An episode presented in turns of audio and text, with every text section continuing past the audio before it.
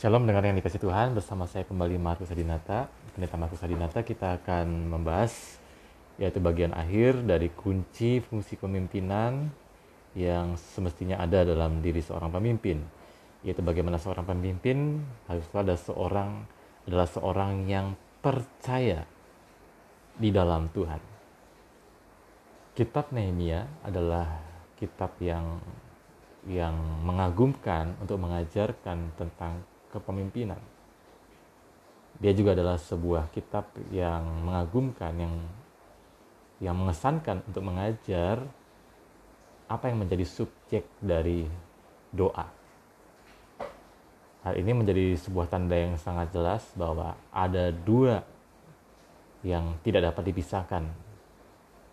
Yang pertama bagaimana Nehemia pertama-tama memberikan respons tanggapan terhadap berita yang dia dengarkan mengenai keadaan tembok kota Yerusalem yang sudah hancur dan ketika dia mendengarkan hal itu dia berdoa kepada Tuhan. Berikutnya bagaimana dia meresikokan hidupnya ketika dia meminta kepada raja meminta izin untuk membangun kembali tembok kota Yerusalem yang pertama-tama dia sudah doakan. Bisa saja ketika hati sang raja sedang dalam keadaan yang tidak enak, bukannya dikabulkan, tapi Nehemia dianggap dianggap tidak setia terhadap raja atau dia ingin ingin bersantai-santai dalam pekerjaannya atau melarikan diri dari tanggung jawab dan bisa saja Nehemia mendapatkan hukuman yang yang berat.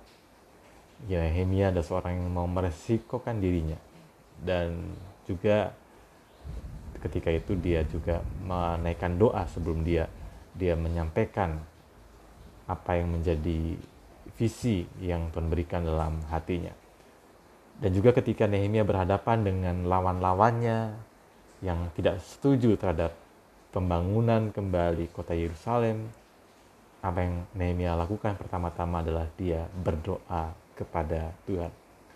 Bahkan ketika seluruh pembangunan kembali tembok Yerusalem sudah selesai dikerjakan, Nehemia mendedikasikan semua pekerjaan itu dengan ungkapan syukur kepada Tuhan. Tidak bisa diragukan bahwa Nehemia adalah seorang yang yang punya kapasitas yang tinggi dalam kepemimpinan dan juga seorang manajer yang baik. Tetapi dengan jelas juga dia sungguh-sungguh menaruh kepercayaan kepada Tuhan. Bahwa sukses itu hanya datang dari Tuhan. Oleh sebab itu Nehemia berdoa. Sebagaimana Mazmur 127 kalau kita mau membaca Mazmur pasal 127 127 ayat 1b di mana di sana dikatakan bahwa jikalau bukan Tuhan yang membangun rumah, maka sia-sialah orang yang membangunnya. Jikalau bukan Tuhan yang membangun rumah, maka sia-sialah orang yang membangunnya.